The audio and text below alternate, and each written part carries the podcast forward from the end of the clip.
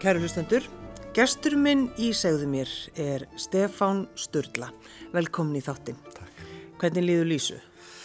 Herðu, hún er bara í rannsókninni. Já. Ha, og já, já, henni líður vel. Eh, og nú er hún komin, þriðja bókin mín með Lísu. Já. Og þar er hún að takast á við vandamál sem að hún held hún þurfti aldrei að gera. Með sínu gengi. En þessi, það er svolítið saga bak við Lísu. Það er eiginlega, eigum ekki að byrja því að, það, það, því að hún, komdu með það. Já, hún sko fyrir uh, einhverjum sex árum síðan þá sleit ég hásinn og, og þurfti að liggja fyrst til að byrja með og, og, og ég og Talvan lágum saman og þá tók ég upp sögu sem að ég er búin að vera að berjast við síðustu 25-30 árin. Alltaf verið eitthvað svona fykta við að skrifa. Eh, og þessi saga er ennþá í tölfunni ennþá í haustum og það er búið að skrifa einhverja nokkra setningar af henni og, og það er búið að henda mörgum blaðsum og, og, og hún takturinn kemur aldrei, aldrei réttu takturinn, en sagan er til. Já.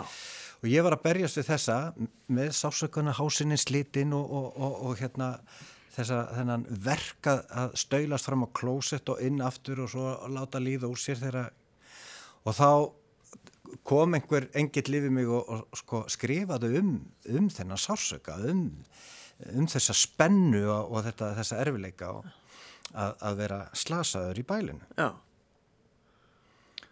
Þannig byrjaði þetta eitthvað og, og ég fór eitthvað að skoða bara blöð og svo leiðis og þá hafði nýlega verið fangilsaður eh, eh, eggjasafnari í Finnlandi, ég bý í Finnlandi safna. eggjasafnari.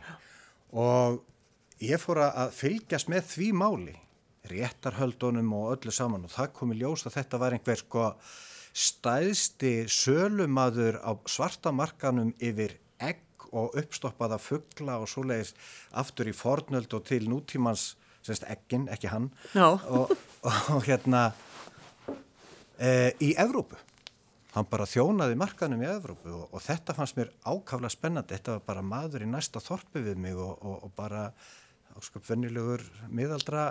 Finni? Finni, fór lítið fyrir og, og Og fór hún, í, var- fór hún í fangilsi? Já, já, hann fór í fangelsi og þurfti að borga fullt af peningum og alls konar. En ha- það var upphafið af lísu, að, þessum, að, þessari, að þessari hugmynd að búa til spennusögu, sem sagt, lögreglan, að fletta ofan að þessu það var alltaf lag við lag við lag við lag. Fyrst heldur að þetta væri bara einhvern svona gæi sem að fóra vorin og, og sapnaði eggjum sko sem er, er yfirleitt bannað allstaðar að fara og, og týna undan fugglum og blása á deggin og sapna og svo bara óks þetta óks og þetta var orðið sko alþjóðlegt glæpamál. Og mér fannst þetta svo spennandi þannig að, að hugmyndin kviknaði þarna og þetta er í raun og veru þráðurinn sem að ég byrjaði að vinna með og svo þegar ég var ætlaði bara að skrifa eina bók og sjá hvað er þið úr því og, og skrifaði á sænsku Svo þegar ég var búin að skrifa eitthvað á sjötta hundra síður og ég var búin að pumpa glæpamálið alveg í, í tætlur. En mér finnst ofsalega gaman að lesa svona glæpasögur. Spennu sögurnar, þetta er svo skemmtilegt form. Þetta er svo, e, þetta er bæði skáldsagan, þessi, þessi fallega skáldsaga sem að maður les eh, um, um einhverja persón eða fjölskyldu og það sem að er í kringum hana en þetta er meira, þetta eru sko samstarf og svo er það þessi saga og þræðirnir sem, sem eru, þetta er eiginlega starffræði Já. að búa til formúlur sem að endar í laust mm. þannig að maður er hálfgerður Einstein Það sveimir þá. já, En er það sko þannig að, að, að varstu hissaði og hvað, hvað þið gekk vel að skrifa? Stefán? Nei, það sem ég var mest hissa á og það sem að stoppaði mig af var eiginlega það að spennusagan dugð ekki. Að því að mig langaði til að skrifa uh, fela eiginlega söguna um personurnar, um Lísu, um Tomma, um Sigrúnu og svo er þarna fjórði karakterin sem að er örlaga saga Kára sem er sem að lesendur mínu vita hver er og, og þeir sem eigið eftir að kaupa og lesa verið að byrja að forveitnast um þessa einstaklinga. Og, og þegar glæpasagan var eiginlega alveg búin á, á síðu 600 og, og eitthvað mm. að þá átti ég svo mikið eftir. Þá þurfti ég að fara að hugsa þetta allt saman upp og nýtt en þá átti ég árið, þá var ég búin að skrifa karakterlýsingar, þá var ég búin að skrifa sögu hvers einstaklings starfræðin mm -hmm.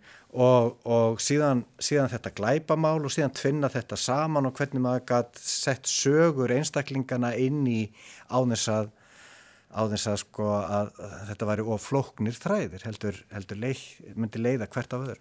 Mér finnst það meira spennandi heldur en að fara í einhverja gamla sagnfræði, eitthvað annað gamalt mál sem að tvinnast saman. Að það séu þessar, þessar personur, þetta líf, mm. pólitíkinn og það allt saman. En gerist þessar, gerist þessar bækur á Íslandi eða? Þannig að þegar þetta var komið þarna í þessar eitthvað 600 eitthvað þá... 600 blæsir. Já, og, og einn spennu sá og mér fannst þetta bara að vera að verðið eitthvað útþynt drastl. Já. Þá, þá hugsaði þetta, heyrðu, ég verði að hugsa þetta bara sem þríleik. Þá hef ég endalust pláss fyrir personurnar. Þá get ég þróa þær og þá, þá hef ég miklu meira pláss og þá er þetta eins og harmonika þá getið spilað þetta sundur og saman og, og það var æðislegt, það var eiginlega þá átti ég greiningu á hverju personu átti fjölskyldurnar allt og allt, allt tilbúið og síðan að, að þessar þrjár glæpasugur að fella inn í. Þannig að núna er þar eh, skrifari bók sem er 265 blæsir Já, það, Já, og hún er lengst, lengsta bókin. Hún er lengst. Já.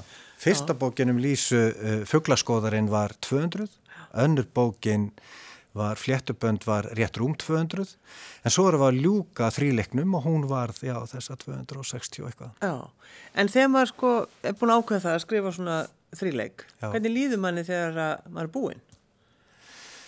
Eh, það byrja bara næsta þríleik með sömu personur, held ég. Já, þú þarf að gera það. Það er ofsalega skrítið það er ofsalega skrítið og eiginlega finnst mér ég ekki vera búin sko ég er búin með sögun eins og ég hugsaði hann upphafi hún endar nákvæmlega eins og ég hugsaði mér. Og, og personurnar og allt gerist í sambandi við personurnar eins og hugsaði mér. Glæpasæðin í þriðjubókinni varð til e, fyrir tæpun tveimur árum. Mm. það kom hún svolítið til mín. En, en en hérna uh, sagan, saga personana hún var algjörlega klár og, mm. og, og svo verður þetta ég skrifa nú svo lesin svo margir í töfundar gera er að að þegar ég byrja að skrifa þá taka personuna svolítið völdin veist, samtalið og, og kaplarnir en þróunin, heildin er algjörlega klár og þess vegna er rosalega erfitt að skilja við hennu núna því að lífið heldur áfram já, já. Og þeir sem að lesa þessa bók nýjustu Flækjur of þeir held ég vilja fá meira mm. þegar hún endar þannig að, að hún það er hægt Já, já, þú hefur þetta allt saman opið eins og sagtir Já, er svona, já Já, bæði opið og loka, segi ekki meir. Nei, ég get ekki, ég get ekki rætt þetta. Ég get ekki rætt þetta. Sko. En af hverju byrðið í Finnlandi, Stefan? Kona mín, eh, Petra Högnes, hún er senskumælandi finni og uh, var, við vorum búin að búa hér í, í tæp 12 ár. Þegar að hún fekk styrk til framhalsnáms og og hérna e, þá fluttu við til Finnlands og hún fór í háskóla í Finnlandi í Vasa. Og e, við gerðum ráð fyrir að vera mestalagi tvö ár úti svo kom hrun og það var eiginlega við vorum þá tóku við þá ákvörðun að, að, að, að hérna, vera úti. Það var svona, það var eiginlega, já, betra að takast á við hrunið í Finnlandi en, en, en að koma aftur til Íslands. Já. Og þið sáu það bara strax að það, það er þið betra. Já, af því að við gerðum það þannig að, þegar við fórum út 2006 að þá seldu við íbúðuna sem áttum hér mm. og, uh, og hérna ákvaðum að, að uh, geima peningana og, og, og sjá hvernig þetta allt saman þróaðist og, og uh, það var nú bara, já, okkar lott og vinningur í, í, í lífinu að, að Við náðum peningunum frá Íslandi til Finnlands í vikunni áður en allt var lokað. Já, þú meinar. Já, það var bara síðasta yfir fastlaðið eitthvað, skilur, það var alveg ótrúlegt. Já.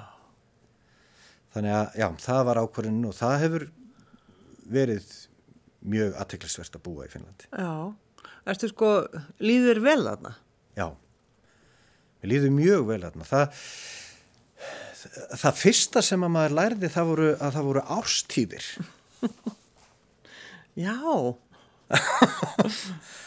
Og, og það, það var aldrei mikil ofinbjörn sko að, að ég, fyrstu árin var ég mjög mikið að, að, að það var ekki margir Íslandikar sem að búa þarna þannig að ég var mjög mikið að kynna Ísland. Fór í skóla og félagsamtök og endalist forvitni um, um, um Ísland og halda fyrirlestra við byggum til meiri að segja svona uh, kennslu uh,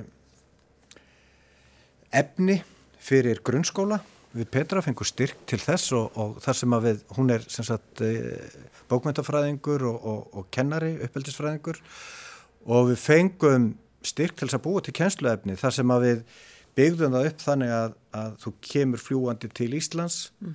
og svo förum við ringin og segjum sögu Íslands, náttúru, atvinnuhætti og, og þess að það er með því að fara ringin og þetta byggir upp á, á tveimur kjenslustundum og setni kjenslustundin er þá að vinna með nefndum uh, listræna útfæslu á þeim, þeirra vísu. Sumuskólum hafa það verið eitthvað uh, leikhústengt, svona eitthvað svo leiðsaði leiki einhverja sögu.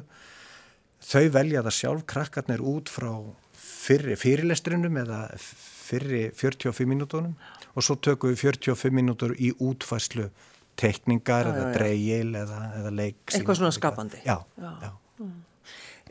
Sko, þegar þú ert að útskrifast 87 leiklistskólunum, draumandi þínir, mm. hvað, hvað, hvað sástu, Stefan?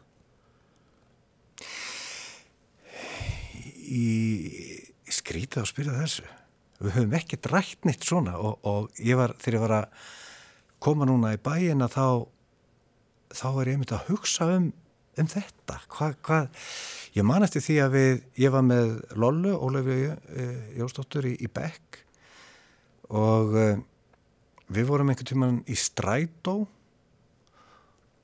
og þá vorum við að ræða þetta, Hva, hvað ætli verði hvernig ætli þetta verði að, að fara út á markaðin þegar við vorum að útskrifast, vorum í nefndaleikursinu og, og þá sagði ég man eftir því úr þessu samtali þá sagði ég ég gefur þessu fimm ár gefur þessu fimm ár gefur þessu fimm ár Já. og hérna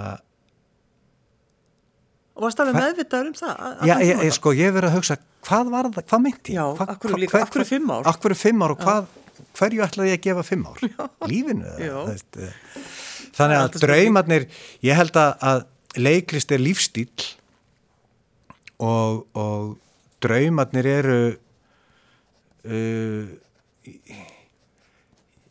sko fyrir mér var, var, uh, var aldrei það að verða frægur eða eitthvað svoleiðis, það skipti ekki máli heldur um, ég byrjaði strax sem barn að, að setja upp síningar bak við gardinuna heima, bara smábarn og, og, og ég hef ábyggilega verið uh, ekki alltaf skemmtilegastur í, í fjölskyldubúðanum sko mikið að leika og mikið að segja sögur og og sumur ég tali svolítið mikið en ég held að það sé miskilningur það er bara eitthvað, það er eitthvað bull ég held að það hef ekki verið ég held að þetta hafi verið meira svona skapandi þörf Já. heldur en, en einhvert markmið. En hvað gerðist eftir fimm ár? Eh, eftir fimm ár þá var ég stattur uh, með uh, barnaleikhópnum möguleikhúsinu og við vorum uh, þá í raun og veru eini aktífi barnaleikhúshópurinn í landinu Algjörlega frábært leikús. og, við, já ég held að við hefum synt þessu mjög vel og, og við gerðum þetta mikilli einlagni og, og, og vorum mjög markmiða sett í þessu og, og uh, við náðum að með þess að kaupa húsnæði og setja upp okkar eigið húsnæði. Þó, þó að þó að leikhús, þó að heiti leikhús þá er það húsið hefur í sjálfum sér ekkert að segja. Það Nei, nei. er það sem er skapað og, og við byggðum starfseminna mjög mikið á því að, að fara í byrjun að fara með síningar inn í grunnskóla og leikskóla svona yngstu áhorfundurna og það var ótrúlega mikið gaman og gefandi eh, og það var aldrei skrítið að, að, þar þar hefur hjartað mitt alltaf slegið. En svo þegar ég hef verið í leiksýningum eða bíó þá er ég alltaf einhver skúrkur eða djöfull. Uh, sem er óskaplega langskemmtilegast að leika náttúrulega og, og vera þar. Þeir, þeir, hafa, þeir þurfa að vera svo marglaga en, en þetta starf við byrjuðum möguleikhúsið uh, mjög mikið að vera fyrir börnin sem að þróast síðan að vera líka með börnunum og, og, uh, og svo skildu nú leiðir uh, setna kringum 97, 8 eitthvað svo leiðis að en uh, leikhópurinn held samt áfram með, uh, og, og þróast út í það að vera með námskeið og, og, og sumar uh, þú veist svona námskeið fyrir krakkana þannig að já þetta var óskaplega mikið skemmtilegt og þarna uh, á þessu fimm ára tím, Plani. plani Já. eða þessum stað eftir jú. fimm árin þá vissi ég nákvæmlega hvað ég vildi vera að það var að sinna sinna ungu fólki á vera mest þar að, að hérna hjálpa þeim að þróa skapandi hugsun, skapandi vinnu skapandi verkfæri Og það er kannski, Stefán Sturta, sem þú varst að gera í dag, en þann dag í dag. Til dæmis ef við horfum bara höfn, já, ef, við- ef við skoðum það. já, já, það, það, það er, já, ég var sem sagt fyrir, fyrir uh, tæpum fjórum árum síðan að þá uh, hafði skólamistari framhaldsskóla Östur Skaftfellinga, uh, FAS á höfn, Eyjólu Guðmundsson hafði samband við mig og, og, og bað mig að, eða spurði hvort að ég væri tilbúin að, að koma og aðstóðan við að að setja upp svona lista svið við skólan Hmm. og ég uh, bý út í Finnlandi og, og, og saði eitthvað á þá veru að ég skildi alveg já, væri alveg til í að vera með í þeirri þróunar vinnu en ég væri ekki að koma til þess að gera þetta. Ég, ég byggi í Finnlandi og, og, og þetta, þetta væri þá í raun og verið þýtti það að ég þurfti að nánast að koma til Íslands og flytja til Íslands aftur og ég var ekki alveg þar með fjölskylduna. En það þróast nú samt þannig að, að, að hann talaði mig til og, og ég kom þá um haustið 2017 og við byrjuðum þessa þróunar vinnu á, á að skapa lista og menningasvið fyrir framhaldsskóla Östu Skaftfellinga sem er, er tiltölulega lítill framhaldsskóli með staðanemendur en, en, en töluvert stór skóli því að, að eh, um helmingur nemenda er, er fjarnemendur líka. Þannig að þeir voru mjög vel undirbúni fyrir COVID-ið. Já, en svolítið skemmtilegt einmitt að, að þú nefnir lítill skóli út á landi og bara við ætlum að leggja áherslu einmitt á þetta. Mm. Já, mjög, mér fannst það, líka, mér fannst þetta mjög augrandi. Þetta er svo auðvelt, fyrir, eða auðvelt auðvelt, þetta er miklu kannski hreitna fyrir fjölmennan skóla Já, sem að getur bóðið upp á leiklistarlínu, myndlistarlínu, tónlistarlínu eða, eða hvað svo því að það eru nógu margi nefendur fyrir hverja. En þarna var bara fjöldi nefenda uh, sá að, að að það dugði fyrir bara eitt kitti -hmm. og þá þurftum maður að hugsa af hverju erum við að bjóða? Hvers vegna erum við að bjóða það? Og hvað viljum við fá út úr því? Og þegar maður var búin að skilgreina það svolítið að þá þá hérna kom þetta upp í huga minn já sko við erum ekki með listaakademíu. Framhalskólanir eru ekki listaakademíu það er setnastig það er háskólastíð, heldur er þetta undirbúningur fyrir nefnendur sem hafa áhuga á einhverju hugsanlega akademisk, akademísku námi en líka að bara það að að, að, að hérna fá unga fólkið að hugsa skapandi hafa þroska þessa skapandi hugsun það, það, það virkar út í öll, öll störf mm. Allstaðar. Það er náttúrulega bara frábær grunnur. Það er bara, það er bara lífsins grunnur mm. að vera skapandi og hafa skapandi hugsun og þór að segja frá því mm. og kannski pínulega tækni til þess að gera það. Þannig að það var eiginlega útgangspunkturinn fyrir þetta svið að þau fengu einsýn inn í listasviðin öll á þryggja ára tímabili við skólan og ef þau hafa síðan áhuga akademísku námi á, á listasviði þá eru þau kannski svolítið nærði að vita hvar þau vilja já, lenda. Já, já. En ertu í þessu ennþá, Stefan? Þessu verkefni mínu að, að skapa þetta svið eh, því laug núnum áramótin, ég var bara ráðin í að, að gera þetta og uh, svo kom COVID og, og, og, og hérna e, það er ekki útséð hvort að ég verði kennari við, við þetta e, sko ég geti þetta er svo gaman þetta er svo gaman þetta er þetta er indislegt mm. þannig að ég er alveg til í að að, að, að hérna, helga mig þessu þessi Eh, þessa tvo mánuði sem eftir í ellilinu, nei Já, aðeins, smá tími En hvernig er svona bara þinn vennilegi dagur í Finnlandi? Stefán um, Busta tennirnar morgumatur Akkurat, og, og, e, hugsa hvað er framöndan Hugsa hvað er framöndan e, Ef við tökum núna bara, daginn núna nú e, er ég búin að vera sem sagt innilokaður Eh, með undirliggjandi eitthvað svona áhættu dæmi þannig að í þessum heimsfaraldri að þá þá var ég hjælt eh, mér til hliða bara og við fjölskyldan við erum með uh, háskólanema og, og, og, og stúlku sem er að klára framhalskólan og uh, þau í fjarnámi mm. náttúrulega eins og var uh, og er ennþá þannig að við vorum heima við fyrstu tværi vikurnar örðu mikil dramatík og, og, og, og hérna Uh, Mikið órói. Mikið órói, já þið, Þú veist, það þurft að læra á þetta. Öll fjölskyldan þurft að læra á þetta. Mér er svo að kötturinn skildi ekki hvað við vorum að þvælast þarna heima á daginn. Nei, hann sem fekk alltaf að vera í friði. Já, já, já nákvæmlega. Þannig að þið þurft að læra í rauninni svolítið upp og nýtt einhvern veginn. Hvernig ætlum að hafa þetta? Já, já. ég held eftir á, eftir þessa örfáu vikur sem að, að þetta er búið að standa, sem að allir tala um að sé einhver heljarins dramatík, ég held að fólk sé búið að læra svolítið á hvað er að vera fjölskylda. Ég held að, ég held að við hefum verið aldrei mikið búin hinn vestræna fjölskylda búin að gleima því. Já.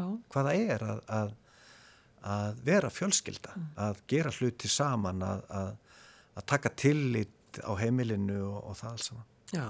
Þannig að ég held að þetta ímislegt náttúrulega sem er mjög dramatíst og, og sorglegt við þennan heimsfaraldur en, en ég held að við komum betri út úr því en, en við vorum fyrir eða vona það. Já, þú leitaði svolítið í ljóðin varst í þinni einangrun.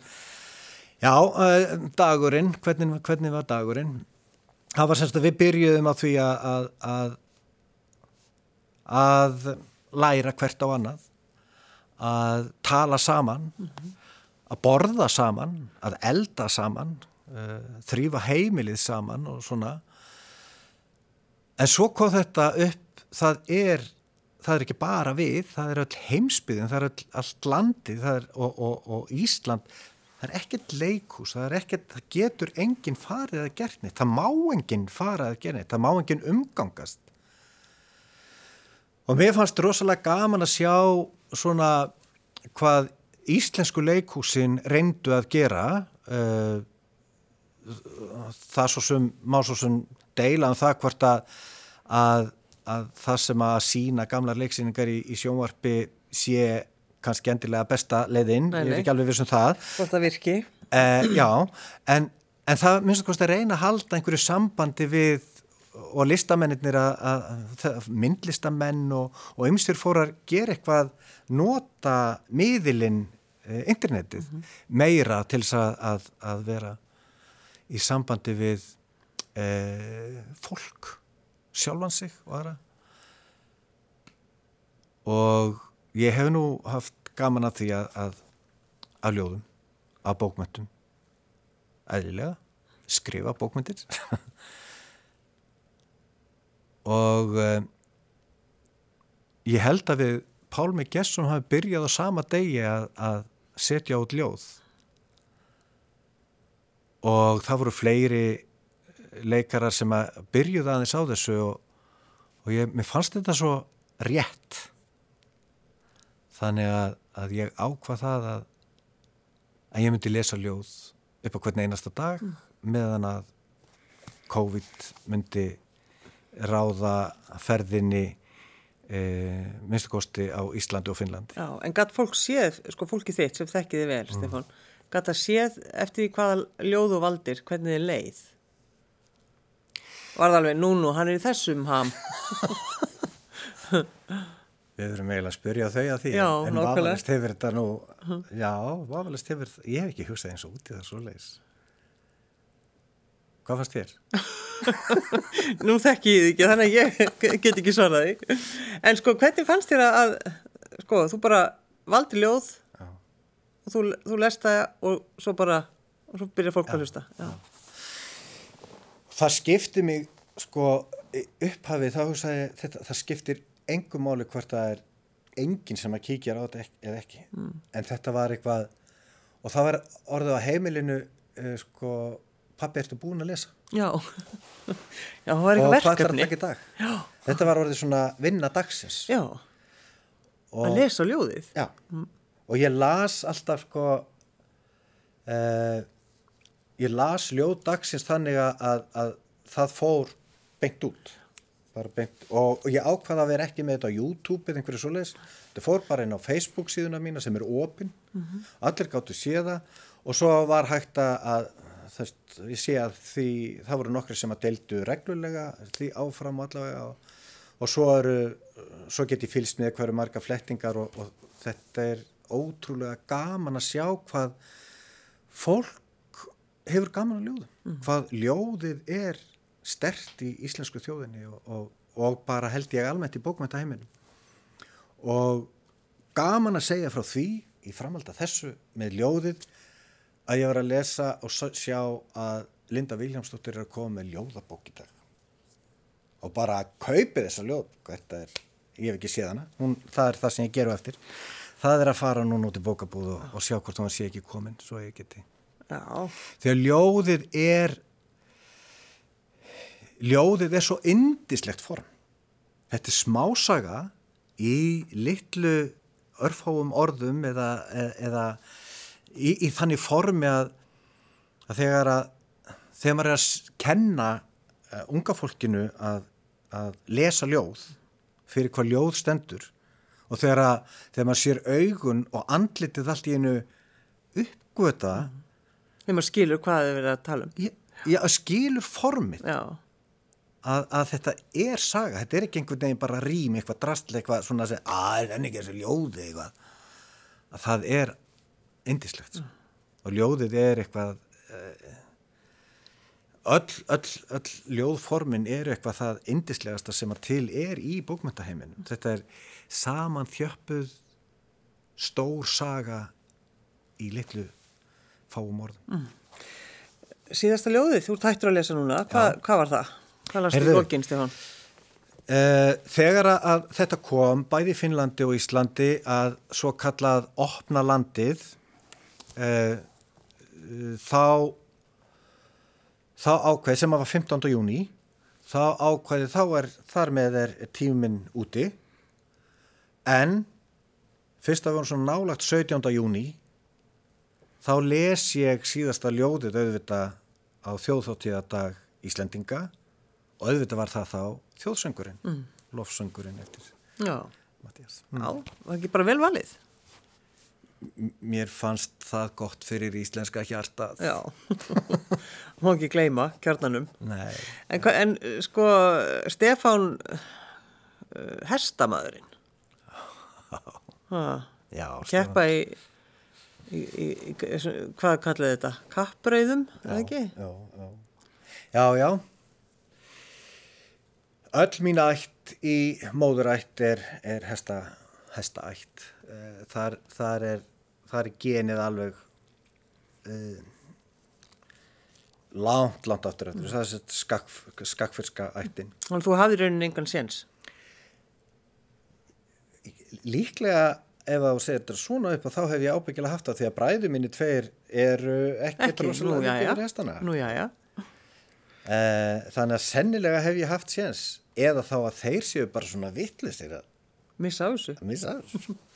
Þetta, það hefur alltaf verið, þess að ég, ég fór á, á kvanneri og, og það var markmiðið að, að verða bóndi alltaf og ætlaði, já, já, það var, og ætlaði ennþá.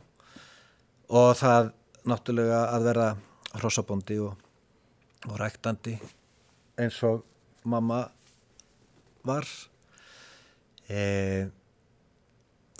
þannig að á mínum barna og unglingsárum að þá voru ekki til neina svona gæðingakeppnir unglinga eða, eða svoleiðiskeppnir þetta og það eh, aðal keppnirnar þegar ég var að vaks og grassi voru kappreiðar. Bara alvöru Það kappreiðar. voru bara alvöru kappreiðar í gamla fókshúsinu hérna í, í Blessugrúni. Já, Þar voru bara alvöru kappreiðar og maður hjekk á snúrin og hestarnir hlupi á nefið á manni alveg.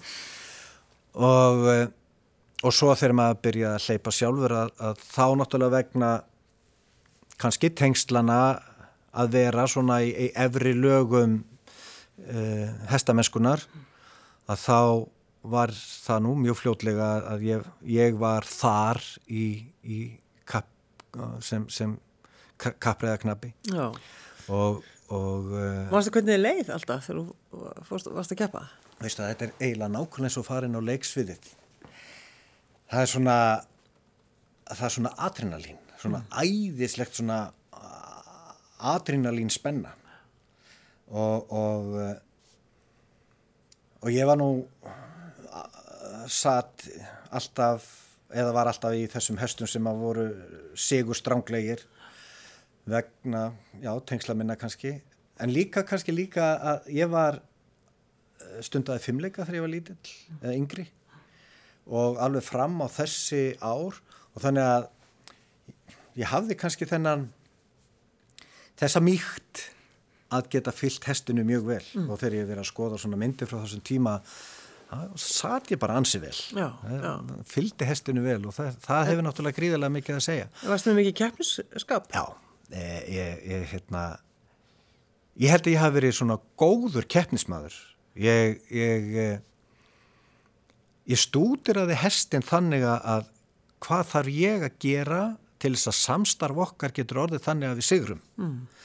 Ég, ég veit um, um nokkra af félögum á þessum tíma sem að stúdiraðu meira því hvernig þeir gætu kvart hestin eða laumulega áfram að svo að dómaratni myndi ekki dæma það úr leik. En, en hérna ég held að ég man aldrei eftir því að ég hafi pælt í svoleiðis einhverjum svona trikkum.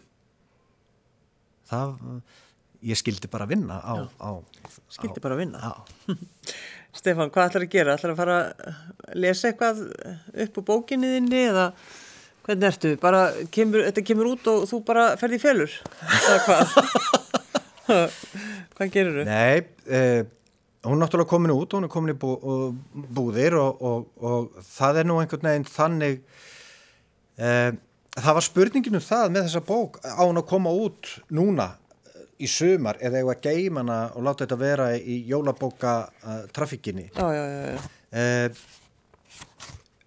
útgefandin uh, Gísli Már hjá Ormstungu hann stakk nú upp á því við myndum bara pröfa þetta núna og, og bara sjá hvað gerist. Og það eru bara fleiri útgáfur að gera þetta að koma með bækur núna og, og ég held að sé um, þakklátt fyrir lesandan nú er allir að ferðast innanlands og þarf að taka með sér góða bók í ferðalagið. En ég mun ég er að, að, núna í sambandi við, við e, e, veitingastæði uh, og byrja núna austur á Hortnafyrði á, á, á lestri. Og síðan er svona áalluninn að, að fara um landið áður en ég fyrir út, ég fyrir út 16. Þeir sem eru ekki búin að bóka hjá mig geta ennþá haft samband við mig og, og hérna sjá hvort að ég hafi tíma aflögu. Mm. En það er, það er greinilegur áhugi fyrir að koma og ræða um, um vinnu höfundarins, hvernig vinnum maður að svona þríleik og, og hvað hefur maður svona í, í, í huga þegar maður er að setjast niður einn og skapa eins og reythöfundurinn gerir gerðnan því að svo fer maður í þessi tengsl að tengja við, finna sér hópa fólki sem að er sem maður getur rætt við sem maður getur sendt hugmyndir á og, og, og hérna stuðnisaðiladnir það er, það er það sem maður sem er kannski það mikilvægast í lífinu og það er að eiga góða stuðnisaðila Stefán Sturla, takk fyrir að koma. Takk Some say love it is a river that drowns the tender reed. Some say love